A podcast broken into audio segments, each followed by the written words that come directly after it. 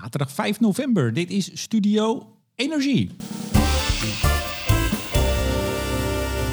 Met vandaag live vanuit Hotel Wientjes in Zwolle een nieuwe aflevering van Blik op olie en gas. Met onafhankelijk energieanalist Jilles van den Beukel. Goedemorgen Remco. En mijn naam is Remco de Boer. Goedemorgen Jilles. Straks hebben we het over de Energiebijbel, die al sinds 1998 verschijnt en jawel, weer is verschenen. De World Energy Outlook van het IEA. Meer dan 500 pagina's en Jilles heeft ze stuk voor stuk allemaal gelezen. Toch? Net zo min als ik vroeger de 1500 bladzijden uh, las. Maar uh, de WEO is als een soort encyclopedie. Dat wil zeggen, je leest hem niet van kaft tot kaft, maar je slaat hem wel regelmatig op. Goed zo. De grote oliebedrijven kwamen met de cijfers. Hoe zien die eruit? Maar vooral, wat gaat er achter die cijfers schuil? De heer Van den Beukel uit Appelscha onthult. Welke gevolgen hebben de hoge energieprijzen voor de industrie? Donderdag was er een ronde tafel over in de Tweede Kamer. En uiteraard heeft diezelfde Van den Beukel uit Appelscha dat helemaal gevolgd.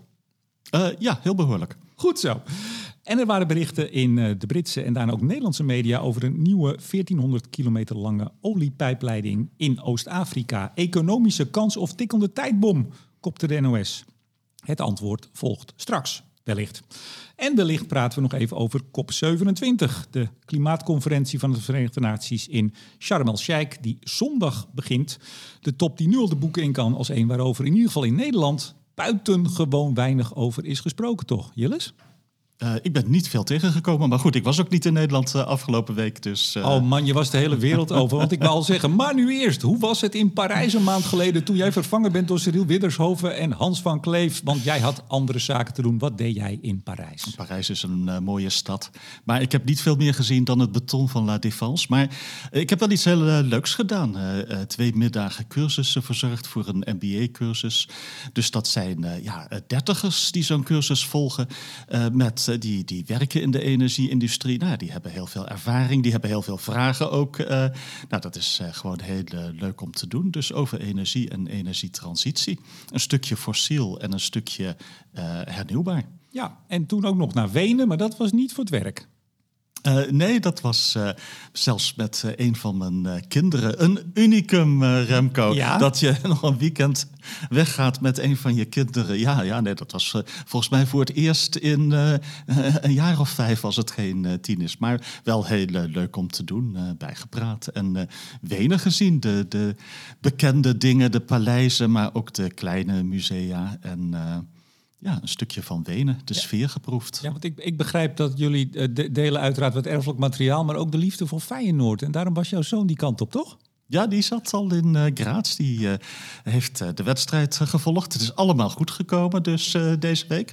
Ja? Dat is toch, ja, is mooi hoor. Ja, ja, ik, ja. heb, ik heb geen idee. Maar Feyenoord heeft gewonnen of is door? Of... Feyenoord kan verder. Dus wie weet wat voor een leuke trips er nog... dat, is, dat is eigenlijk heel leuk, Remco, Feyenoord volgen. Je kunt op de meest rare plekken terechtkomen. Hè? Tbilisi bijvoorbeeld, dat soort, dat soort dingen. Ja, dus als je een beetje de wat mindere steden wil, dan moet je ook de wat mindere clubs volgen. Dat begrijp ik. Anders kom je in Barcelona, Londen, daar moet je niet wezen. Je moet, je moet Feyenoord volgen, dan kom je nog eens ergens. Ja, dan kom je nog eens ergens uh, ja, ja, waar je anders niet komt. hey, vandaag op zaterdag.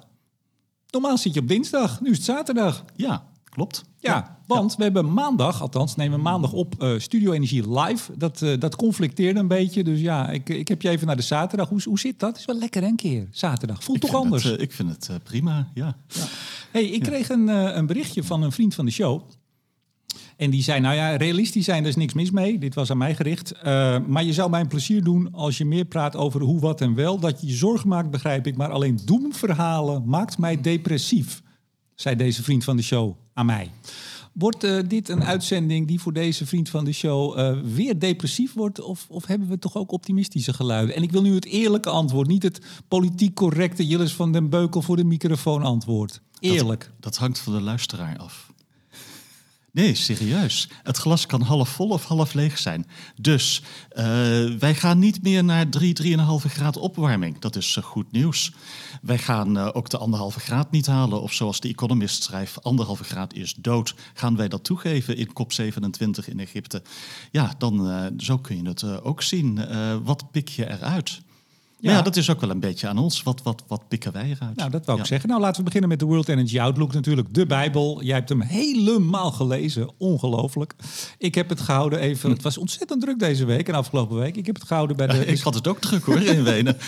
ik bedoel, het tempo van die jonge mensen bijhouden. Dat, eh, musea bekijken. Ja, maar dan kan je s'avonds op je kamer van alles doen, denk ik dan. Maar goed, daar gaan we het niet over hebben. Nee, maar eh, ik heb de, de, hoe heet dat? De, de executive summary gelezen. Ik heb nog even de persconferentie meegepakt van Fatih Birol en zijn twee eh, trouwe adjudanten die hem eigenlijk maken. Ja, inderdaad, je zei het al. Eh, we gaan eigenlijk van de 3,5, nou het staat boven de 3,5 graden hè, voor Parijs, voor, het, voor 2015. Koersen we nu met, met huidig beleid, dat is wel belangrijk om te zeggen, hè, beleid wat nu al geïmplementeerd is wereldwijd op de 2,5 graad af. En als alle pledges, alle toezeggingen die voor en na Glasgow vorig jaar zijn gedaan, als, dat zei hij ook nadrukkelijk, hè, als, als, als dat allemaal wordt uitgevoerd en wordt nagekomen, dan zitten we al op de 1,7 graden. Nou, dat bracht hij toch als een, eh, een positieve noot. Ja, en eh, dat, dat is het ook. Eh, de bovengrens van waar we uitkomen, dat, die gaat omlaag. Eh, ook als, zelfs als je de onzekerheden meeneemt. Eh, de ondergrens gaat wel een beetje omhoog. En ja, wat mij opviel is eh, ja, dat middelste scenario. Eh, dus je hebt eh, het, het, het ehm, de bestaande politiek is eh, stated policies. En dan is het middelste scenario APS. En dan moet ik oppassen, want ik zeg dan altijd aspired policies. Maar zo heet het niet. Kijk, maar, kijk maar even op je meer. spiekbriefje. Ja. Dat mag wel even. announced pledges heet het tegenwoordig. Ja.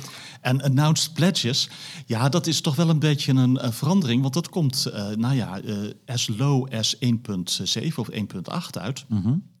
Dat is eigenlijk best heel laag. Maar ja, daarmee is het ook niet echt een forecasting scenario meer.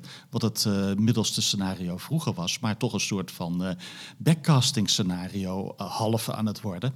Van eh, ja, eh, announced pledges, dat is nogal wat. Dat zijn vage dingen als eh, in 2050 eh, zijn wij eh, net zero emissions eh, voor eh, een bepaald land. Eh, dat, dat is een hele stap eh, toch Maar, wel. maar toch even, ik ga proberen ook weer eens wat positiever te zijn. Als vrienden van de show schrijven dat ze depressief worden van de uitzendingen, dan, dan moet ik wat mee natuurlijk. Dat snap je wel. Maar we zijn toch in die zeven jaar ongeveer vanaf Parijs. Vrienden van de show moeten de human ingenuity niet uit het oog verliezen. Wij ik. zijn ontzettend creatief als Ja, mens. maar, maar, maar Jillis, even toch. We zijn dus, we hebben met de, met de nu geïmplementeerde, de stated policies, zijn we dus van 3,5 graad, zelfs iets daarboven, in zeven jaar tijd naar 2,5 graad. Er zullen ook mensen zijn die zeggen, joh, hou op met je tiende graden nauwkeurig. Hè? De- Die zijn er ook. Maar toch even, als we binnen dat el- hele... Elke tiende graad kan een, eh, best een boel verschil uitmaken. Ja, nou, ik, Vind dat, ik vind dat toch eh, eh, een positieve ontwikkeling. Zijn er meteen mensen die zeggen, ja, maar anderhalf, als we boven de anderhalf komen, is het nog steeds verschrikkelijk. Maar toch in zeven jaar tijd. We hebben er hier, het hier over temperaturen in 2100. Als je ziet wat er al gebeurd is. En ja, niet alle pledges zullen worden uitgevoerd. Maar er komen er ook nieuwe bij. En er komt ook nieuwe policy bij. Dus ik ben in die zin wel hoopvol dat we in ieder geval richting die twee graden gaan. Ja, ik denk dat eh, twee graden eh, reëel is. Ja. Ja, maar het gek, het gek Ja. is, ik had nog met iemand van de NOS. De NOS schreef eh, dat eigenlijk eh, in Parijs zou zijn afgesproken dat we onder de anderhalve graad blijven. Ja, dat is niet zo. Well below two degrees, with uh, efforts, ongoing efforts to come close to one and a half degrees. om het te Eh, nou- nou- beperken, nou, om het te beperken, beetje. om het Ja. te beperken tot anderhalf. Niet boven de anderhalf. Maar dat is in de loop der jaren, de afgelopen jaren, is dat heel sterk alweer verpakt. En ook door de NOS. En ik had nog even contact met Helene Ecker van de NOS, eh, die het zo schreef. Die zei, ja, dat is een interpretatie van eh, iemand van het PBL, die in die club zit, zou ik maar zeggen. Het ging over het Emission Gap Report. Maar zo zie je ook dat, terwijl we dus eigenlijk dat doel van Parijs, nou ja, daar komen we langzaam bij in de buurt, laat ik het dan heel netjes zeggen, is het doel ook alweer opgeschoven. Ja, we moeten eigenlijk onder de anderhalf blijven. En ja, zo komt de mensheid wel verder. Dat zie je ook in, in luchtverontreiniging, in waterverontreiniging. De normen gaan omhoog. Maar het is niet zo dat het in Parijs is afgesproken minder dan anderhalf. Dat is Maar niet dat waar. heeft een achtergrond. Die anderhalf is ja, om de neuzen dezelfde kant op te krijgen. Om mensen een beetje hoop te geven. Om eh, de gang erin te houden. De Ja. energietransitie op gang te houden. Maar het is geen realistisch doel meer. Ja, ja. Ja, En de vraag is, wanneer gaan we dat toegeven? Komt dat al bij COP27 of niet? Maar goed, dan lopen we vooruit op, het, uh, op COP27. Uh, dat nou, zouden we toch aan het eind van het gesprek doen? Nou, dat weet ik niet. jij, jij bent helemaal vrij om alles erin te gooien. Maar toch even, we gaan terug naar de, de World Energy Outlook van het IEA. Uh, ja. Fatih Birol, Executive Director. nou, ook de persconferentie was in die zin interessant. Um, even een, de, de, paar highlights. Uh, zij, hij is ook op optimistisch. Vind je, nou, laat ik zo zeggen, vind je zijn optimisme uh, uh, nou, terecht? Vind je dat voor de bühne? ik vind het begrijpelijk. Want je wilt uh, natuurlijk de zaak in gang houden, dat snap ik ook wel. Maar ja, ik, ik, ik luister liever naar uh, Laura Kotze en uh, Tim Gold dan, dan naar Fatih Birol. Want ja, die, die komen dichter bij het echte verhaal. Maar die stonden naast hem en die hebben ook een presentatie gegeven, dus ze deden het met z'n drietjes. Ja, zoals ze het altijd doen, hè? Ja. Maar even, zij, zij zien met name de investeringen in clean energy, zo noemen ze het. En wat me ook altijd wel opvalt, dat is toch anders in Europa, dat die daar altijd meteen, als hij een doet over clean energy technology, heeft hij het ook over uh, kernenergie. Ja, ja. Dat is zon en wind geholpen door kernenergie. Ja, batterijen en, en, en noem maar op. maar kernenergie wordt, wordt altijd genoemd. Van der Leyen bijvoorbeeld, die hoor je dat nooit zeggen als het gaat over clean. Althans, ik heb het niet gehoord. Uh, corrigeer me maar, uh, beste luisteraars. investeringen gaan van 1,3, ja, hij zegt al trillion dollar, hè, dat is een biljoen. neem ik dat even goed zeggen. Ik ben altijd in de war. Uh, dat is ja, ja, 1000 miljard. Ja, 1000 miljard is 1 biljoen. Dus de, de 1,3, uh, dus de 1300 miljard waar het nu op zit, zien zij toenemen naar 2000 miljard in 2030. Uh, en eigenlijk voor die anderhalve graad zou dat nog eens verdubbeld moeten worden naar de 4000 ja. miljard dollar in 2030. Ja, en dat, het ligt wel in de toekomst. Hè? Want tot nu toe, ja, dat is het zorgwekkende aspect, uh, is, zijn die investeringen eigenlijk vrij constant en zijn ze te laag, veel te laag. Zowel aan de hernieuwbare kant als aan de fossiele kant. Althans, als je met fossiel de bestaande vraag wilt uh, tegemoet uh, komen. Ja, maar zij zien dus een flinke versnelling en een veel grotere investering in clean energy. Zij zien dat het speelveld dusdanig nu uh, in elkaar zit dat het goed zou kunnen dat die investeringen inderdaad zo ver omhoog gaan. Ja, en maar je moet, maar moet het nog wel zien gebeuren. Ja, ja uiteraard. Maar ze, ze hebben toch een, in het verleden... Nou, het ging ook over de, de, de golden age of gas... Hè, die ze in 2011 aankondigden. Ja, ja, daar hadden ze vraagteken achter gezet... maar dat vraagteken was in de praktijk eh, weggevallen. Nee, ze, ze benadrukten wel dat ze nu konden laten zien... dat de getallen die ze toen raamden, dus tien jaar geleden... dat die inderdaad, die gasvraag in de wereld... dat die inderdaad zo ongeveer is geworden wat ze tien jaar eerder voorspeld hadden. Daar waren ze natuurlijk wel een beetje trots op. Ja, en wat ze ja, verder melden was dat nu voor het eerst, want dat was wel eh, een van de hoofdverhalen, uh, het plateau van fossiel uh, echt in zicht is. Uh, voor kolen waarschijnlijk gepasseerd, nu even tijdelijke opleving. Uh, voor olie begin 20, 30 jaren en voor gas laat 20, 20 jaren. Dat is wel een omkering, want normaal was gas altijd uh, de laatste die de piek zou bereiken. Mm -hmm. En nu zou gas de piek gaan bereiken voor olie nog. Dus dat is ook echt een verandering. Ja, zien... Die echt samenhangt met die extreem hoge gasprijzen nu. Als die gasprijzen weer op een normaal niveau zijn eind decennium, ziet dat er ook misschien anders uit. Maar in ieder geval, plateau fossiel is, uh, is in zicht. Ja, fossil piek 230 ongeveer. Ja, en dat is, uh, dat is uh, ja, toch, toch vooruitgang. ja. Ja, en ze hebben het ook over, hij benadrukt dat getal nog even. En als je het terugzoekt, dat is best interessant. Het is ook wel teleurstellend. De grafiek met de verhouding fossiel-niet fossiel. Die was jarenlang en is nog steeds op 80-20. 80 fossiel, 20 niet fossiel. En zij zien hmm. hem rond 230, zien ze hem naar 70-30 gaan. Ja. Dus nog altijd 70 procent uh, fossiel. Ja, en, en je, begint nu te zien, uh, ja, ik kijk toch ook een beetje graag niet alleen naar verwachtingen, maar wat is er tot nu toe gerealiseerd. Nou ja, dat die fossiel een beetje omlaag begint te kruipen, dat aandeel bij wijze van spreken van 81 naar 79. Mm -hmm. En dat is uh, in ieder geval een, uh, een begin. Ja. En ja, ze kondigden inderdaad aan van de end of the golden age of, of gas. Nou ja, daar kijkt de gasindustrie heel anders tegenaan. Qua volumes misschien misschien wel. Maar als het om uh, winstgevendheid gaat, zit uh, gas op dit moment niet in de Gouden Eeuw, maar in de dubbel platina robijnen afgezet met diamanten eeuw. Ja, maar wat, wat ik het mooie wel vind van, van zo'n Bijbel die ieder jaar uitkomt, zij kijken echt naar de lange termijn. Hè? Want we zitten nu wel in een, nou, we zitten in een hele bijzondere situatie. Ook de eerste, zo noemt uh, Birol het ook steeds, de eerste echte wereldwijde energiecrisis. Erger dus dan in de jaren 70. Ja, uh, olie of uh, gas, niet alleen gas, maar ook olie en ook uh, kolen. Ja. Dat is het bijzondere nu. ja, en, en ja, dat kun je afschilderen als een uh, fossiele crisis, zoals sommigen doen. Dat kun je afschilderen als een crisis voor hernieuwbaar, als sommigen doen. Maar het is in wezen een geopolitieke crisis. En dat was ook een belangrijk punt in de hele World Energy Outlook. Uh, wij hebben een uh, majeure geopolitieke crisis ineens met, met, met Rusland. Toch een van de grote energieleveranciers die uit het systeem begint te vallen voor een groot deel, voor een heel groot deel voor gas. Minder voor olie en kolen, maar wel dusdanig veel dat het ook op die markten grote invloed gaat hebben. Hè. En ja, dat is een van de vragen uh, in de WEO, korte termijn, maar ook voor ons in het algemeen. Hoe gaat het met olie komende ja. winter? Maar goed, ja. dat is een ander verhaal. Nou ja, en, en, de, en de tweede, laten we meteen maar oppakken. De tweede grote crisis, waar ik, heb ik al vaker gezegd, veel, uh, veel banger voor ben, om het maar zo te zeggen, is die met China. Uh, Sjoerd Sjoerdsma, D66-Kamerlid. Uh, we nemen dit op vrijdag op. Die was, uh, nou, ik denk afgelopen nacht in Taiwan, op Taiwan. Hield daar ook een, een toespraak en die pleit ervoor om de Chinezen alvast uh, sancties in het vooruitzicht te stellen. als zij, mochten zij het idee hebben om Taiwan in te nemen, nou dat hebben ze.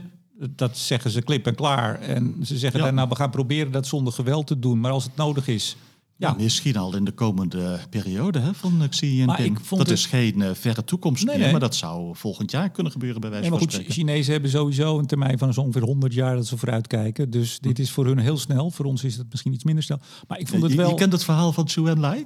Die ze ooit vroegen, wat vindt u van de Franse revolutie? Waarop zijn antwoord was, het is te vroeg om daar nog een antwoord op te geven. Ja. Nee, maar ik, ik, ik vond het wel... Het, het laatste zinnetje, dat was even een teletextberichtje hoor. Dus er, zijn, er is meer over geschreven al. Maar um, ja, dat, dat we China maar in het vooruitzicht moeten stellen... dat we ze uit SWIFT gooien, het internationaal betalingssysteem. Uh, nou, uh, zeg je SWIFT, zeg je sancties, zeg je Rusland. Uh, zo begon het ook. En jij hebt waarschijnlijk vast de podcast met Joris Teer, ook van HCSS, waar jij ook nog wel eens wat, uh, ik zou maar zeggen, bijklust, gehoord. Ik vond dat een, ik vond het een ontzettend fijn gesprek en ik heb er heel veel positieve reacties op gehad. Hij het is, ziet. Uh, het is een heel belangrijk onderwerp en een beetje onderbelicht. Maar ja. de veiligheid van ons energiesysteem, de veiligheid van ons hele systeem eigenlijk. Precies, maar hij, hij, hij ziet en hij vertelde, en ook het rapport wat met meer auteurs geschreven is, hè, dus het is een, een groepseffort, dat rapport hoe je dus de lijn al ziet ontstaan, zoals we die ook met Rusland hebben gehad. En op een gegeven moment kom je op een soort tipping point. we hebben jarenlang met Rusland uh, de Krim-inname of de annexatie, MH17, de inval in Oekraïne, nou noem maar op. Uh, op een gegeven moment gaat het over een soort punt heen. En die hele aanloop die we met Rusland gezien hebben, die zien we nu in China, met China, met de EU. En wij lopen maar, en ik zeg het toch nog een keer, en ik maak me er ernstig zorgen over. Uh, wij lopen maar met de, de, geheven vinger dat we alle misstanden in de wereld uh, veroordelen en daar sancties op willen zetten. En ik heb wel eens het idee, hebben wij überhaupt een idee wat dat voor ons kan betekenen? En dat klinkt dan misschien een beetje, um, uh, hoe zeg je dat? Zelfzuchtig. Maar ik, ken jij de geschiedenis van Taiwan een beetje? Nou, een beetje, denk ik, ja. Ja, een beetje. Nee, maar ik bedoel... en zo. Uh, ja, nou ja, de, de strijd tussen de nationalisten en de, ja. en de communisten. En, en de nationalisten verloren. Uh, en die trokken zich terug in Taiwan. En het was daarvoor 50 jaar van Japan geweest. Ik bedoel, moeten wij uh, alles wat wij hier in Europa lief, en, en lief hebben... moeten we dat in de waagschaal stellen voor Taiwan? Ik zeg het heel plat... Ja. Ik zeg het even ik, heel ik hard. Ik denk dat het niet zozeer een ethische vraag is wat wij moeten of wat wij willen, maar meer van wat wij kunnen als uh, samenleving, als Nederland, als uh, EU. Wat kunnen wij nog aan na corona, na uh, deze energiecrisis, na Oekraïne en Rusland, ja, en na de recessie waar we nu ja, maar tegenaan ik, ik vind het, Ik vind het te makkelijk. Kijk, ik vind het heel goed dat er bepaalde landen, en in dit geval een Europees deel of een, een deel van de wereld, Europa genaamd, eh, het voortouw neemt in dit soort kwesties, in mensenrechten. Dat vind ik heel belangrijk. Maar het ontslaat je niet van het nadenken over wat dat voor jezelf betekent. Je kan niet met een blinddoek op de wereld ingaan. Nou, dan zijn we nog wel even bezig, Jilles. En dan kunnen we nog heel veel landen aan aanpakken. En als we zeggen, het maakt allemaal niks uit wat het voor ons mhm. betekent. Dat, dat kun je als, als politiek, als landsbestuur. Nou zit hij weliswaar alleen maar in de Kamer. Maar dit is toch een toon die je bij veel uh, politici hoort. We moeten ze aanpakken. De, de, de, de dominee leeft, de koopman is dood in Nederland. Ja, ik vind dat. En terwijl we dus, we hebben corona achter de rug. Nou, daar betalen we nog de rekening voor de komende jaren. Hè. Het lijkt wel of het weg is. Ja, het is dan weg in ons dagelijks leven, maar financieel nog lang niet. Nou, we komen zo op de, de hoorzitting over de, de impact op de industrie. Ik weet niet of we nu zo'n heel hoopgevend verhaal hebben. Nou, misschien ben ik wel somber. Ja, sorry luisteraars. uh, dan moet u misschien een andere podca podcast gaan luisteren.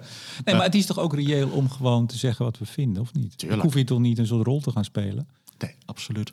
En, en uh, je ziet, uh, nou ja, ook in de energietransitie een, een moeilijke periode aankomen nu. Hè, dat uh, Nederland en de EU 20, 30 jaar lang een grote energieimporteur is. Ja, en daarop zijn wij niet goed voorbereid. Wij zijn vol bezig met het opbouwen van het nieuwe systeem. Maar wij zijn absoluut niet bezig met het uh, verantwoord afbouwen van het, uh, van het oude systeem. Ja, en dat gaat een probleem worden. En ik maak hem nog even af, uh, wat, wat Joris ook zei, Joris Teer van HCSS in de podcast. Uh, we, we, we, hadden onze energie aan, aan, Rusland uitbesteed, onze veiligheid aan Amerika en on, onze industriële productie en de grondstoffen aan China. Nou, met, met de ene uh, zijn we in oorlog. Martin Sommer in de Volkskrant. Ja. Herinner ik me. Ja, uh, met, de, e, met de een zijn we in oorlog. met Amerika moeten we echt maar afwachten. We hebben de, volgende week de, de midterms. Ja. Maar vooral over twee jaar presidentsverkiezingen. En met de derde staan we eigenlijk in dezelfde lijn zoals we de afgelopen jaren met Rusland stonden, waarvan we nu weten waar dat eindigt. Nou, veel plezier en gefeliciteerd zeg ik dan als Europa. In die pessimistische lijn liep ik soms af en toe rond in Wenen en ik dacht echt, kijken wij over een eeuw terug op de EU zoals wij nu terugkijken op Wenen en het Habsburgse Rijk. Nou, dat zou zomaar kunnen. Mooie, een, een, een mooi land, maar uh, het werkte niet. Nou ja, en ik vind dat, waarom zou je, ja, dat wordt dan snel gezegd, ja, dat is pessimistisch. En dus, ik heb meer mensen die dat wel eens zeggen, Remco, doe toch eens wat optimistisch. Dit is toch reëel? Dit is waar we nu naartoe lopen. En ik vind het ook zo mooi aan die rapporten die dan bijvoorbeeld haasjes, maar er zijn er meer ja, dat, nou ja, we kunnen er nu iets over kletsen en zeggen, goh, goed rapport, veel reacties, maar we doen er nog niet echt. We, nou gedragen ons er niet naar. Je wilt idealistisch zijn, je wilt idealistisch zijn, maar je wilt ook streetwise eh, zijn en niet verder springen dan je polstok uh, lang is. Ik geloof dat, dat, zo het uh, spreekwoord Ja, maar dat doen wij dus wel. Wij gaan de wereld rond en wij vertellen iedereen wat er niet deugt aan ze en we dreigen ze met van alles. Ja. Terwijl we niet nadenken over de gevolgen voor ons. Maar goed.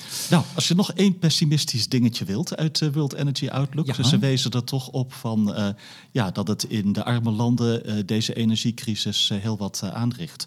dat voor het eerst het aantal mensen wat nou ja, water goed kan koken, dat soort dingen, dat dat eerder afneemt dan toeneemt door de huidige stijging van de prijzen. Dat ze dat een zorgwekkende ontwikkeling vinden. En dat wij in Europa en Amerika ons niet altijd realiseren wat de huidige energiecrisis ja, teweeg brengt in arme landen die de LNG-tankers en de dieseltankers eh, langs zich heen eh, zien varen. En als ze niet langs zich heen varen, dan met hele hoge prijzen, die daar nog veel meer pijn doen dan hier te maken ja, hebben. Die 70 miljoen mensen die, eh, die nou net wat hadden aan elektriciteit of aan, aan energie en die, precies, die, die weer kwijt zijn. Ja, ja, het is natuurlijk. Maar dat, precies, maar dat aspect Laten we dat er dan ook bij betrekken in ons handelen en ons uh, moreel ja, en dat, en dat, kompas. Ja, dat, dat zie je in Nederland. Dat Nederland en ook misschien de EU wel zo zeer op zichzelf is gericht. En uh, te weinig de energietransitie als een wereldwijd uh, gebeuren ziet.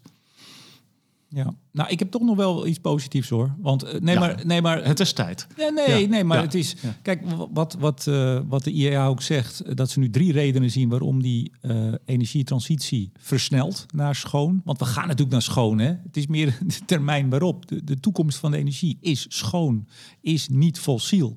Absoluut. er is geen en dat willen we allemaal. Of het is nou, iedereen die een beetje weldenkend is, die precies. wil dat gewoon. En zij zien nu dat de, de belangrijkste drie uh, drivers bij, bij overheden. En één is niet klimaat, één is energiezekerheid. Daarom dus om naar uh, niet-fossiele energie. energiezekerheid. Twee is inderdaad klimaat. En drie is mee willen doen, mee willen aanhaken bij de nieuwe industrie. De Ja. schone industrie. En dan krijg je wel een vraag En dat is van, heel eh, mooi. in hoeverre het nieuwe systeem eh, de energiezekerheid zal eh, verbeteren. Want ook daarin zullen afhankelijkheden ontstaan.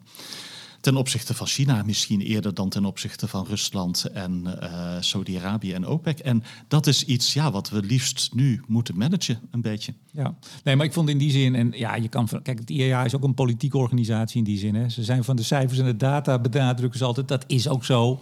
Maar het Ook is zij willen de moed erin houden met de energietransitie. precies. En eh, de neergang van Rusland werd buitengewoon groot uitgemeten. Maar onze afhankelijkheid, onze groeiende afhankelijkheid van China, daar heb ik heel weinig over gehoord. Ja. Dus, maar goed, ja. Nou ja, die neergang van Rusland brengt voor ons wel heel vervelende dingen met zich mee. Ik bedoel, wij hebben echt. Kijk, de tijd werkt voor ons, voor Oekraïne en voor de EU en voor de VS in het conflict met Rusland. Maar eh, het betekent wel dat we de eerste zeg twee, drie jaar moeten zien eh, door te komen met eh, hele hoge prijzen. Voor, voordat de gasprijzen een beetje gaan dalen weer als er meer LNG op de markt komt en de energietransitie een, een stukje verder is. En hoe houden wij die sociale cohesie erin in de EU? Ja, en ook in de VS. Er komen nou de midterm verkiezingen aan. Over twee jaar zijn het weer presidentsverkiezingen. Ja, ik had eh, twee jaar geleden echt het gevoel van we zijn voorgoed van eh, Trump en de Echt waar? Trumpianen af. Ja, dat had Was jij echt. zo naïef, Jilles? Nee, ik was Het zo was 50 optimistisch. het was Nee, ik 50 was misschien wel zo realistisch Kom. van... Goh, eh, hoe kan het dat die Amerikanen voor eh, zo'n A, sukkel, B... Ja, toch echt slecht mensen. Slechte mensen bestaan niet, zeggen sommige mensen. Maar bij Trump eh, ja, ga je er toch anders over het, is, het is zaterdag en Jilles gaat even helemaal los hoor. maar, maar even Jilles serieus. Nee, want ik we gaan een beetje, bang te worden dat, eh, dat, dat Trump of iemand uit die league eh, het weer gaat redden in Maar, 2024. maar, maar dat Ja. zag je. Ja, ik wil niet zeggen dat het gaat gebeuren, maar de kans dat het gebeurt is groot. En dat zagen we toch rondom de verkiezing van Biden. Mm. Ongeveer 50-50. eh, eh, niet accepteren. Giuliani, de oud-burgemeester van New York, hè, het is een soort harlekijn geworden. Die, die in alle rechtszalen en maar bleef verkondigen dat het gestolen is, de verkiezingen. We hebben gezien al, en dat gaat eigenlijk aan het westerse blik wat voorbij, dat er in allerlei staten allerlei wetten zijn aangenomen die gewoon überhaupt het stemmen veranderen, zodat het voor bepaalde groepen moeilijker wordt om te stemmen. Dat gebeurt allemaal op een wat achtergrondbasis, wat alleen maar het in de grondverf zet om over twee jaar inderdaad eh, de macht te grijpen voor de Republikeinen. Opnieuw. Hoe kan het dat mensen stemmen op de harlekijns van deze wereld? Zijn ze dan zo teleurgesteld in het huidige systeem? Maar het is wel iets waar het huidige systeem rekening mee moet houden. Van maakt de pijn voor ja, eh, toch de industrie in Nederland, boeren enzovoort, niet te groot. Want op een gegeven moment verlies je de mensen. Maar goed. En dat is een risico die ze in Den Haag en Brussel wel, eh, wel lopen, denk ik, om een boel mensen kwijt te raken. Ja, maar die, die zijn ze natuurlijk al voor een deel kwijt. En het, begon. ja, maar bedoel, het moet niet veel, al te veel meer worden. Nee, maar in Amerika is het niet beter eh, dan door Hillary Clinton in één woord samengevat. Die had het over de deplorables. En we hebben mevrouw Kaag nog eens achter in de auto gezi- gezien zitten. En die zei, wie zijn die mensen? Dat waren geloof ik PVV-stemmers. Dat is wel hoe er aan die kant van de tafel wordt gedacht. Die stakkers. Wat zijn het eigenlijk voor mensen? Ja, en hoe, hoe, hoe beter kan je de kloof tussen... De D66 en de beschaafde, eh ogenschijnlijk politieke stromingen. En mensen, nou ja, ik ben weer door het land gefietst van de zomer. eh, met een boerenerf. Die, die op een heel andere manier in de samenleving staan. Jij, jij fietst erdoor, ik woon ertussen. Ja, precies. Ja, Maar en die de is- die wordt deplorables van steeds- deze wereld hebben heel goed door als eh, mensen denken dat ze Ja. deplorable zijn. Ja. Ook al wordt het niet hardop gezegd. En dat gevoel hebben ze. En dat gebeurt in D66. Nederland, precies. Maar dat gebeurt hier inderdaad ook, ja. Nou, ik bedoel, we zijn dit is niet ons vak eh, om de, te duiden de sociologische ontwikkeling van onze maatschappij. Maar Nou, een beetje wel. Want energie en politiek zijn zo nauw met elkaar verweven nu. Eh, dat is meer geworden. De geopolitiek is terug. Dat stond ook wel in de World Energy Outlook, toch eh, als een van de punten. Mhm. Ja. De geopolitiek is terug als echt eh, een van de grote driving factors in de wereld van, van energie. Ja. we gaan door naar de cijfers. De, ja, de winstcijfers moeten we zeggen. De jaarcijfers van de grote... Ja, je gaat alweer lachen. Nou, Eh, ik, ik moet zeggen, ik heb geprobeerd in te prenten hoeveel eh, Shell, Chevron, ExxonMobil, BP enzovoort allemaal aan winst hadden gemaakt dit kwartaal. Eh, het is me niet gelukt. Ik heb een heel eenvoudig ezelsbruggetje gevonden. Ze doen allemaal 10 miljard dollar winst per kwartaal en ExxonMobil doet er 20. En dat, dat klopt vrij ja, er is er nog één bedrijf in de wereld die zit daar nog een stukje boven. Saudi Aramco, ja, 40 of 50, die orde van grootte. Maar waarom was, Miljard het zo, in een kwartaal, hè? ja, waarom was het zo moeilijk eh, uit te vogelen? Nou, 8,5 en 9,3 en Oh. 11,6. De, de, de decimalen achter de... Het zijn er gewoon. eh, Het is gewoon... eh, een groot eh, IOC maakt eh, 10 miljard winst. Ja, nou, nou twitterde jij gisteren een, een column van, spreek je het uit, Javier? Blas? Javier, ja, Javier. Ja, is van- een Spanjaard. Van Bloomberg, jazeker. Ja, ik, heb nog- ik heb er ook nog even een apart eh, eh, tweetje aan gewijd. Eh, we told Big Oil not to invest, don't complain now. Want wat gebeurt er? De grote oliebedrijven die, die zitten op hun geld. Althans, ze, de- ze keren het uit. Ze delen het uit. Ze delen het En uit. ze investeren het niet. Ja. Althans, niet in nieuwe olie en gas. Nee. Althans, en ze doen eigenlijk precies wat investeerders van hen vragen. Ja. Van eh, nee, ze gaan niet omhoog met de investeren, eh, investeringen. En dan gaf je Blas had uitgerekend. Nou, voor eh ExxonMobil en Chevron zitten ze op twee derde van de investeringen die ze gedacht hadden voor de coronapandemie. Eh, nee, ze gaan gewoon niet meer investeren in fossiel. Eh, en ja, eigenlijk kun je haast zeggen, er is een soort van ongeschreven kartel tussen OPEC, NGO's, regeringen en de IOC's, de grote olie- en gasbedrijven, van eh, niet te veel produceren. Ja, en dan gaat die prijs heus wel eh, omhoog. Niet alleen van gas, maar ook van olie. Kijk, voor gas is er een hele grote geopolitieke component natuurlijk. Maar er zit ook een stukje krapte op de markten op de achtergrond bij. En dat, eh, ja, dat is blijvend, eh, denk ik. Maar, maar, maar even, je zegt het zo eh, in een mooie volzin. Een, een, soort onuitgesproken kartel tussen de grote olie- en gasbedrijven, de NGO's, et cetera. Dat, daar zeg je nogal wat, hè? Nou ja, maar dat is toch wat Ja, we zien. Ik Nee, bedoel, precies. dat weet iedereen in de olie- en gaswereld. ik benadruk het nog even, Ja. Jillis. Ik benadruk even wat, wat, je, wat we hier eigenlijk zien. Dat we dus, we hebben eigenlijk een tekort, want we hebben een schaarsteprobleem. In. Europa op zijn minst. We hebben een schaarsteprobleem. En dat wordt eigenlijk mede in stand gehouden door de, ja, de roep om minder te investeren. En die bedrijven zeggen nu voor het eerst, want normaal hoge prijzen betekent... oké, we gaan ook weer meer investeren. En Ja. dat doen ze nu dus niet. En daarom houden we dat tekort in stand. Dat Ja. is nogal wat. Ja, en er is er maar één de dupe en dat is de fossiele verbruiker uiteindelijk. Alleen ja, als dat heel erg pijnlijk wordt, ja, dan gaat dat wel gevolgen hebben voor onze maatschappij eh, als geheel. Gaat dat? Dat heeft het al. Ja, oké, dat heeft het. Nee, maar dat Ja. vind ik ook zoiets. Als ik met Ja. mensen soms praat, zeg ja, nou, we zitten al op 30 eh, zoveel procent minder gasverbruik. Je- Ja, ik zeg even, nee, ik zou bijna een vloekwoord gebruiken. ik ga binnenkort weer, ik ben geïnterviewd door een blad van de glastuinbouwsector. Dat komt eh, over twee Ja. weken uit. Ik ga binnenkort weer wat praatjes houden. Als je in die sector, in die kassen loopt, letterlijk, Ja. en je praat met mensen. Nou, laten we zo meteen overschakelen naar de, de ronde tafel van, van de industrie. Er zijn gewoon hele grote problemen. Alleen die tuinders, ja, je hoort ze wel eens, Ja. maar dat zijn geen klagers. En zoals boeren ook over het algemeen geen klagers zijn, totdat ze aan, aan het water aan de lippen staat en dan pakken ze de tractor en dan reizen ze naar Den Ja. Haag. Maar dat sluimerende, dat stille, die stille sanering die eigenlijk plaatsvindt, dat doen we ook over van, nou ja, ach, we zijn nou lekker bezig met minder energieverbruik. Ik vind het bizar. Den Haag beleidt met de mond dat ze dat heel vervelend vinden. Maar vinden ze het ook echt heel vervelend? Of hebben ze toch zoiets van ja, het is vervelend, maar het moet nu eenmaal, eh, want de energietransitie eh, komt eraan. En eh, sommige sectoren, tough luck.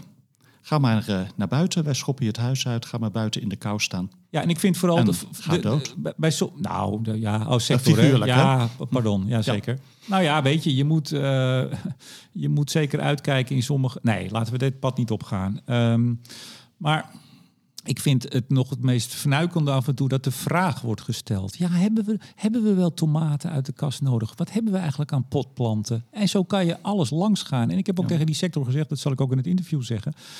Het zou heel belangrijk zijn, denk ik, dat alle sectoren die nu ernstig onder, eh, onder vuur liggen en, en bedreigd worden, leg de vraag maar op tafel. Willen Ja. jullie ons nog? Ja. Heb het gesprek er maar over.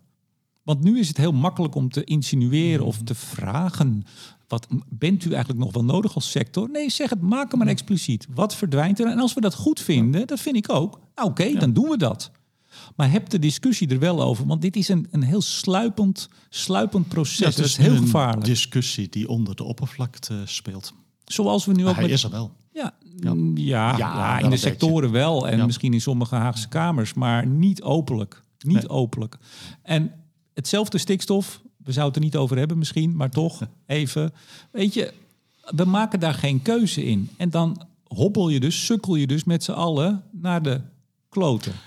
Nou, stikstof is een probleem apart. Wij uh, maar- hebben gewoon eh, zulke complexe niet. regelgeving dat Nee, er altijd wel een mogelijkheid is om iets tegen te houden. We kiezen niet. We willen heel veel Natura 2000 gebied. We benoemen iedere graspriet tot natuurgebied. Vervolgens willen we heel veel woningen bouwen. Willen we ook de, de Ja. boeren niet voor het hoofd stoten. Willen we allerlei projecten doen. Willen we de energietransitie versnellen. Dat kan niet allemaal tegelijk. Nee, En- maar dan moet je zeggen van, eh, stel het hele, eh, alle ambities eh, op het gebied van stikstof, stel ze voorlopig maar uit. Ja, of stel de Ehm, woningambitie en de industrieambitie uit. Ja, Ga die dan nou ja, maar krimpen. En als je moet kiezen, zou ik zeggen, kies dan voor woningen, kies voor de energietransitie en vergeet het stikstofdossier alsjeblieft voorlopig. Ja, maar dat is Ja. dan even niet aan ons. Wij kunnen het becommentariëren. Het is ook niet aan mij. Nee, ik vind dat daar zijn politici. Politici hebben een fantastische, belangrijke, grote taak.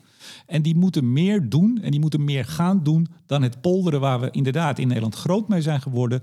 Dat polderen is ten einde op dit vlak. Je kunt niet en alles natuur willen hebben en onder natuurwetgeving laten vallen. Dus zul en je toch richting moeten geven. Ja, En, natuurlijk. eh, ja, voor de troepen uitlopen. En inderdaad een bepaald pad eh, inslaan. En niet eh, je kiezers volgen als er weer een actiegroep eh, langskomt. Maar dat- Want er zal altijd een actiegroep langskomen. Ja, maar ik zie dat met de huidige generatie politici, of met de huidige constellatie, of hoe je het noemt, zie ik dat nog niet gebeuren. En dat zitten niet- helemaal vast. Niet alleen aan die politici, maar ook aan ja, toch de mediacratie Zeker. waarin wij leven. Oh ja, en nee, de supercomplexe de bek niet open, wetgeving en regelgeving die we hebben. Hey, ik wou nog één ding zeggen over die winstcijfers, want dat ben ik in de Nederlandse publiciteit helemaal niet tegengekomen.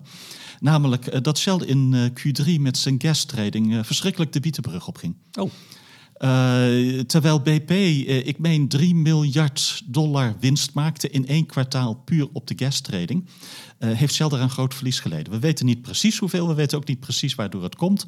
Maar Reuters bijvoorbeeld, die schreef gisteren zoiets van, nou, orde van grootte 1 miljard verlies. En het heeft eh, ja, gewoon te maken met eh, ongelukkige, niet goed afgedekte hedges. Nou ja, iedereen in de energiewereld luistert naar deze podcast. Dus er kruipt iemand nu zo'n beetje onder de dekens. Dat was ik. Die traders zitten in Londen van Shell. eh, Die luisteren allemaal, Jillis. Denk nou even mee. Schets een beeld. Hey, e- even, heb- hebben we het hier over de cijfers gehad? Dus nogmaals, enorme winsten. We komen zo nog even bij het afromen daarvan. Maar ze blijven eigenlijk... Ze investeren het niet in nieuw olie en gas. Althans onvoldoende om het gat wat er nu is Ja. gevallen en aan het vallen is in onze energievoorziening, om die te vullen. Ja, en dat speelt vooral zowel voor de Europese als voor de Amerikaanse olie- en gasindustrie. Het verschil is van eh, politici in Europa zullen daar niks van zeggen. En in Amerika is Biden zo ongeveer elke week wel in het nieuws met de boodschap eh, van jullie moeten meer gaan produceren. Ja, en, eh, En, en liefst nu. Was het, was, het, was het Blas in zijn column, ik lees zoveel, dus ik weet niet of hij het was, die er nog even op wees wat zijn eh, eh, campagnebeloftes waren. Hè? Keep it in the ground en no more drilling en dat soort dingen. Daar wordt natuurlijk nu heel fijntjes cynisch op gewezen. Ja, en wat voor Europa speelt is eh, van eh, blijft de export van olie, maar met name van diesel uit de VS naar Europa eh, onbelemmerd doorlopen. Want als Biden daaraan gaat draaien, dan hebben wij een, een heel groot probleem komende winter met diesel. Ja. Maar het idee was natuurlijk ook van Biden, en dat, dat, dat schreef Blas ook in zijn. Van, ik vond een fantastische column. Ieder woord raak. Dat heb je niet altijd met columns.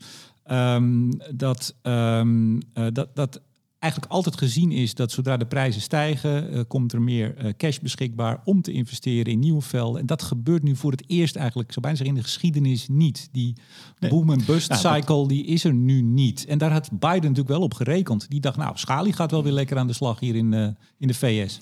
Ja. En dat doen ze dus niet, althans onvoldoende. Nee, en, en de, de push van eh, investeerders, eh, eh, vaak grote investeerders, is echt naar die bedrijven van jongens, doe het rustig aan en wij zijn happy met jullie, maar ga niet ineens ontzettend veel uitgeven. En op de achtergrond, laten we wel zijn, zo makkelijk is schalieolie in de VS niet. Schaliegas is een stuk makkelijker dan Ja. eh, schalieolie Ja. eh, technisch. Kabinet denkt 3,2 miljard euro op te halen door de winsten van bedrijven in de fossiele sector extra te belasten. 3,2. Nou, dat moet een deel van die rekening van eh, 20, pak een beetje 20 miljard eh, van het eh, plafond, het eh, energieplafond. Nee, hoe heet het? Ja, plafond, hè? Mhm. Waarvan eh, had Nieuwsuur dat nou gisteren? Dat dan maar weer de vraag is of dat wel op 1 januari kan worden ingevoerd. Eh, ik Heel gedoe. In ieder geval, het was misschien twee maanden uitgesteld en dan ging de huidige regeling nog twee maanden door. Ja, want de vraag is even van welk, welk gat moet het kabinet nou eigenlijk, hè, moet de staat nou eigenlijk vullen? Dat tussen de, de, de, de, de- ja, de, de inkoopsprijs plus een beetje winst, eh, zodat het bedrijf nog wel door kan, of tussen de consumentenprijs. Nou, Ja. heel gedoe. Ja. 3,2 miljard. Is dat veel?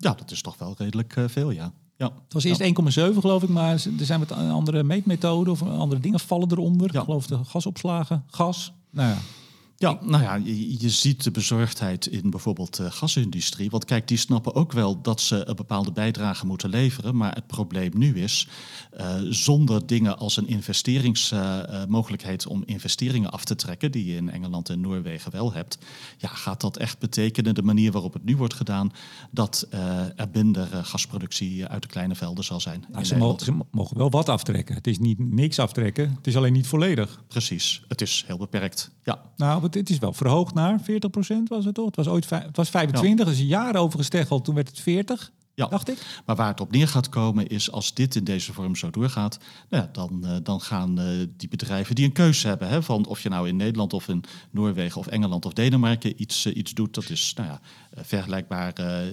geologie, environment, qua waterdieptes enzovoort.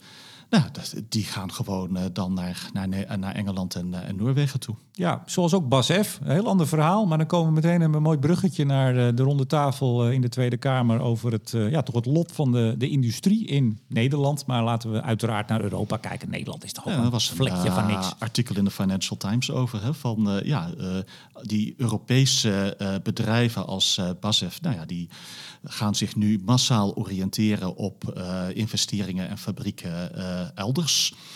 Eh, functie elders. Goh, goed.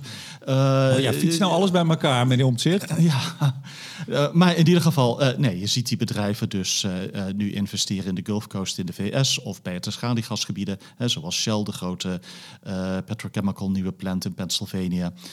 Nou, dat zie je uit Europa verdwijnen. En, en die ontwikkeling was al aan de gang, maar dat wordt nou eh, enorm eh, versneld.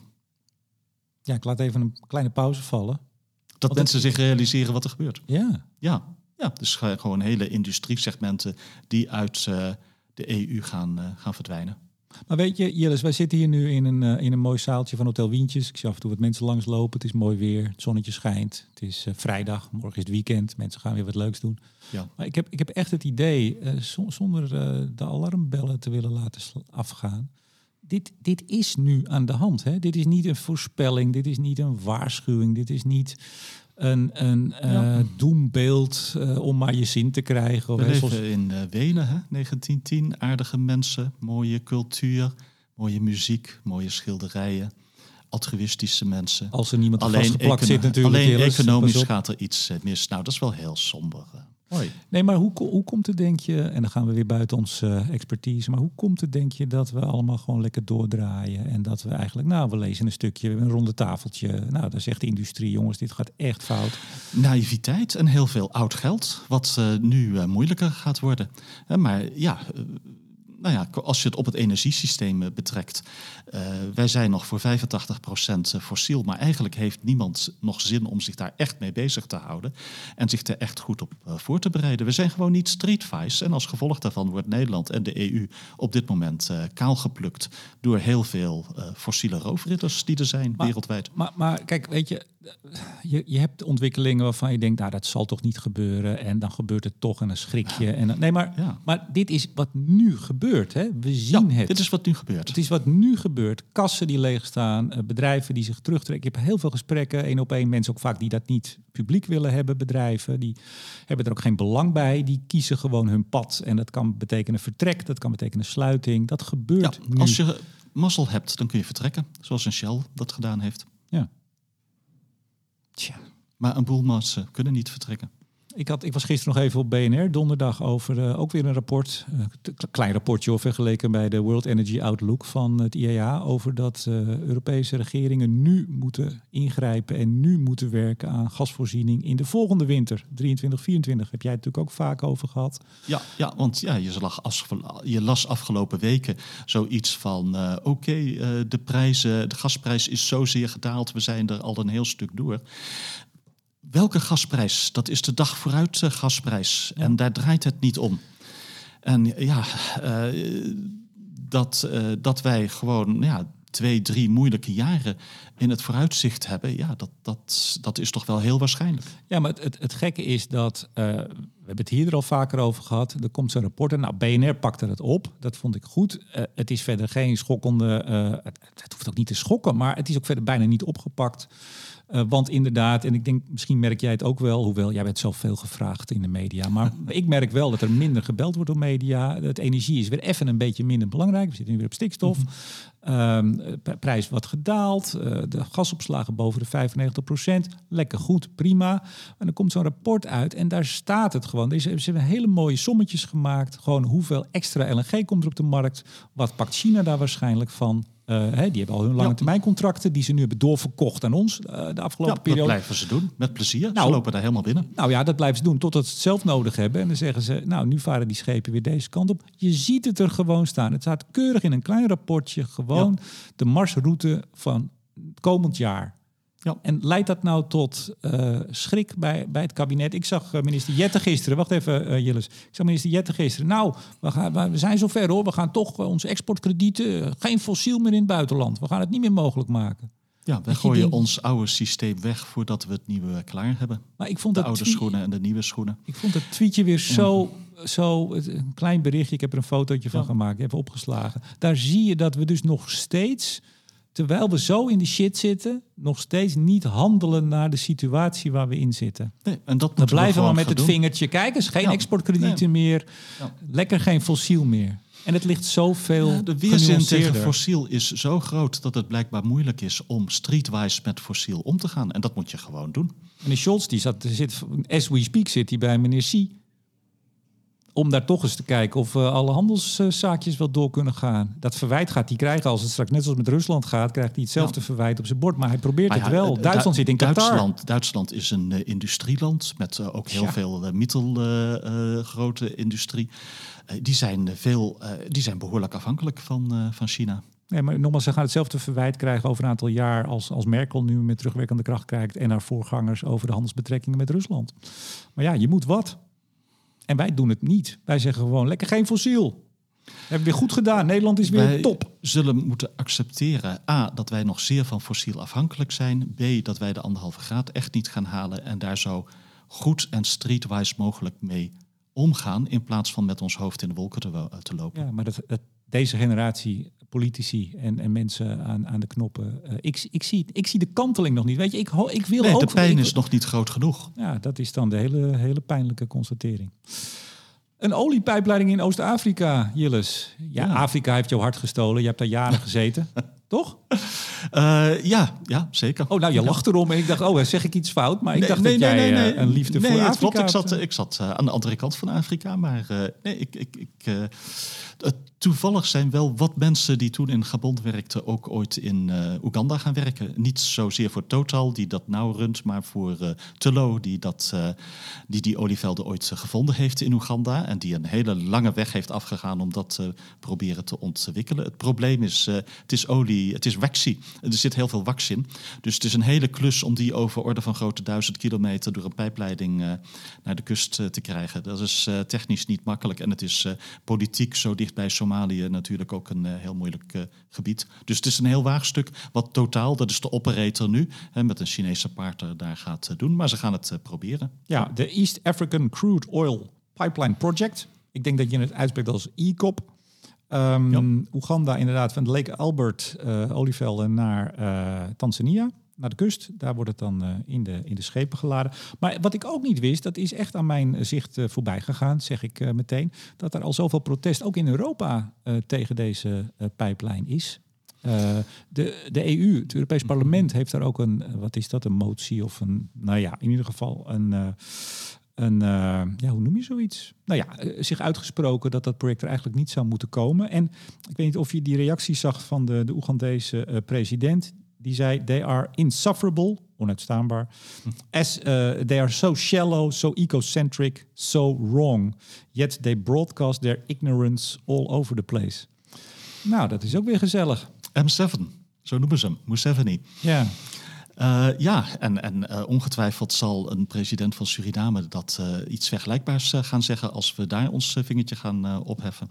Maar ja, de echte, de, de echte issue is niet zozeer die pijpleiding of dat netjes of niet gedaan wordt, maar ja, puur de scope 3 emissies. je, je ontwikkelt toch een veld van vele honderden miljoenen vaten. En dat breng je op de markt. Ja, en je snapt waarom die landen daar desperate voor zijn om dat te doen. Want dat betekent voor hun heel veel inkomsten in een hele arme regio. Nou ja, kijk, en de kritiek, want uh, het is niet zo dat ik zeg, uh, begin nog lekker wat pijpleidingen zo links en rechts. Uh, de kritiek is, want NGO's zijn hier al heel lang tegen aan het ageren. En nogmaals, dat heeft het Europees Parlement bereikt. En die hebben in meerderheid hebben zich ook tegen het project uitgesproken. Um, ja, uh, een van de kritiekpunten is: dit gaat echt niet het land ten goede komen. Dit gaat uh, de, rulers en de familie ja. ten goede komen. Zit wel wat in, hè, Jilles? In Afrika, ja, ja. hoewel er slechtere landen zijn te bedenken dan, uh, dan Oeganda en slechtere presidenten dan Museveni. Maar uh, ja, nee, dat gaat uh, spelen. Eerlijk gezegd, kijk, dat veld gaat gewoon ontwikkeld worden. De vraag is meer, uh, lukt het totaal nog dat te doen hè, als Europees bedrijf of gaat dat helemaal naar de Chinezen? Zoals Zuid-Soedan ooit naar de Chinezen ging. Terwijl het toch echt door Chevron en met Shell als partner daar gevonden was. Maar, maar even olievelden daar. Officieel zit Total er voor 62% in. Uh, dat zijn de Chinezen, 8%. Ja. En dan zit uh, de, de Oegandese nationale oliebedrijf en Tanzania zit in ieder geval 15 erin, 15%. Okay. Kan het dan nog van 62 uh, Total naar, helemaal naar de Chinezen, dat die hun, hun belang ja, verkopen? Ja, ja, want voor Total wordt dit, uh, wordt dit een hele klus. A, omdat ze al behoorlijk exposed zijn in Afrika met uh, hun uh, LNG-plant in het noorden van Mozambique. dat is al een beetje hachelijk geopolitiek avontuur. Nou ja, daar komt dit bovenop. dat zal een boel kritiek te zien geven. Hij, hij, wordt wel ingegraven. Hij komt niet open en bloot te liggen. Ja, ja. Goed. Ja, is ja. Nee, maar, ja, maar het, het, echte issue is niet de pijpleiding. Het echte issue is het überhaupt nog ontwikkelen van een, van een groot olieveld. Ja, maar nou hebben we het net over gehad dat uh, ja, de, de, het, er is een gat in onze wereldwijde energievoorziening wat, uh, sorry, wat fossiel laat ja. vallen en wat hernieuwbaar nog niet genoeg vult. Nou, dan kan je twee dingen doen. Dan kan je zeggen, we moeten veel meer hernieuwbaar. Dat moeten we ook. Hè? Daar zijn we het over eens, Gilles. Ja, moeten we. Dus maar je, je, kan je wilt dat het liefst dat dan de olie die er nog gedaan wordt en het gas, dat dat is uh, met een lage carbon footprint, met een uh, relatief korte tijdlijn. Hè, dus dat je het geen 40 jaar duurt zoals bij Canadese olievelden. Ja, en het liefst in een beetje geopolitiek veilige landen. Maar ja, je ziet de case om ook te zeggen van, en misschien in een beetje hele arme landen als Suriname of Oeganda, die tot nu toe nooit zoveel geprofiteerd hebben van olieproductie. Terwijl ja. wij al heel lang daarvan, nou ja, in Nederland dan Groningen misschien, uh, daar uh, profijt van trekken. Ja, klimaatrechtvaardigheid komt dan op. Suzanne dat Kreuger, zal ook bij hashtag de klimaat. 27 ja. uh, weer ja. tevoorschijn komen van ja, hoeveel geld moet er van rijke landen naar arme landen uh, om uh, energietransitie op, uh, op gang te brengen. Ja, en dat proces zal met de, dat zei Birol ook, en dan zijn we mooi het cirkeltje rond in de, de openingsstatements van die persconferentie. Um, ja, de, de, de trek naar, nee, dat zeg ik verkeerd, de groeiende, de machtsblokken die groeiend uh, tegenover elkaar komen te staan. VS, Amerika, dat gaat echt heel slecht. Europa, Rusland. Ja, ja en Afrikaanse landen die daar naar kijken en die dan nu zoiets zeggen van ja, die intra-Europese oorlog tussen Rusland en de EU en de VS. wij krijgen de grote shit ervan. Ja. En dat is ook zo. En dat is uh, wrang. Maar ja, laat duidelijk zijn, en dat kwam, komen we weer terug bij de WEO. Een van de hoofdpunten in de World Energy Outlook. Er moeten meer investeringen komen. Ja. Maar ze moeten met name meer investeringen in het nieuwe energiesysteem komen. In de armere landen. Want daar is het ja, echt moeilijk om die investeringen van de grond te krijgen. Eh, ze hebben veel hogere cost of eh, financing dan wij in, het, eh, in Europa hebben bijvoorbeeld. Ja, daar heb je steun nodig. Ja, en maar, maar met de afstand tussen de machtsblokken, de verkilling, de verharding, de, de, ja, de onrust, de, de geopolitieke onrust en misschien zelfs ook nog wel straks de militaire onrust of de dreiging daarvan. We gaan een hele gure tijd tegemoet en dat is niet voor één jaartje. Maakt natuurlijk ook wel dat dat soort processen waarbij je toch eigenlijk moet samenwerken, waarbij je wat gedijt bij, bij, ja, bij vrede en bij samenwerking. Dat is een heel ander klimaat wat je daarvoor nodig hebt. En dat, dat gaan we de komende jaren steeds meer kwijtraken. Ik ben er erg bang voor. Dus ik hoop dat in het Nederland het midden, het politieke midden, intact blijft. En dat het niet wordt overgenomen door polarisatie, door links en door rechts. We gaan het zien. Waar kijk jij naar uit, Jillis? Dit is de vooruitblik tot slot. Ah, uh, nou, ik moet wat uh, losse eindjes afronden van oude projecten. Maar daarna zou ik een, een, een leuk paper bij HCSS samen met Lucia willen schrijven over de energietransitie. En dan uh, de transitie en hoe het afscheid van fossiel te managen. En, en de markten waar we heen gaan, de gasmarkten. Ik bedoel, ja, je hebt het verhaal, we hebben minder olie en gas nodig, dan zal de prijs wel naar beneden gaan.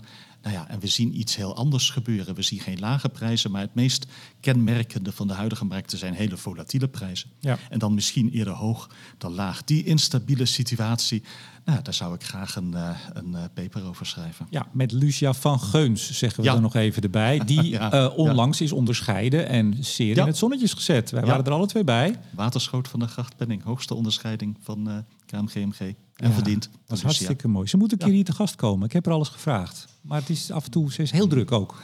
Zoals iedereen. Maar ze komt een keer, hoop ik. Leuk. Hoop dat ze het hoort. Lucia, kom je? Ja, een keer. Um, nou, ik uh, kijk naar uit naar uh, Studio Energie Live. Gaan we maandag opnemen. Uh, er zijn geen kaarten meer. Dus je kan ook zeggen, waarom vertel je dit? Nou, gewoon omdat ik het leuk vind, omdat dat we het maandag gaan opnemen. Ja. Leuke gasten, mogen we ze noemen? Uh, jazeker, Ed Nijpels. Ed die Nijpels, uh, donderdag ja. afscheid nam bij de Klimaatdag als uh, toch klimaatpauze na, poeh, tien jaar, zoiets. Ja. Um, Marien Boonman, ja. een jong opkomend talent, zeker op Twitter, maar vooral ook in, in het energieveld. vindt over heel veel wat, denkt ook na, analyseert en weet het ook nog eens leuk te brengen. Dus daar ben ik ook heel blij mee. En uh, Karen de Lathouder, uh, CEO van BP Nederland. Ja. Daar nemen we het nieuws mee door van de afgelopen maand. Uh, in een hele positieve, optimistische stemming. En ik maak bekend, ja, ik kan een datum bekendmaken. Ja, ah. ik kan een datum bekendmaken voor het vijfjarig jubileum van Studio Energie. Dat gaat volgend jaar maart plaatsvinden. Um, dat doen we onder andere natuurlijk met gasten op het podium. Uh, maar met de ongekroonde cijferkoning van de Nederlandse energietransitie, Martin Visser, doen we de tweede editie van de grote energie- en klimaatquiz. 14 maart. 14 maart. Ik uh, zet hem in de agenda. In de agenda. 14 uh, maart. Volgens mij is dat een dinsdag. Zit ik het is 14 maart. Dat weet ja, ik wel. heel makkelijk. de dag voor de Ides van de maart. Kijk eens aan. Nou, dat heb je weer mooi gezegd. En dan zeg ik tot zover deze aflevering van Blik op olie en gas met onafhankelijk energieanalist Jilles van den Beukel. Ja, volgende keer optimistischer Remco. En mijn naam is Remco de Boer. Graag tot de volgende keer.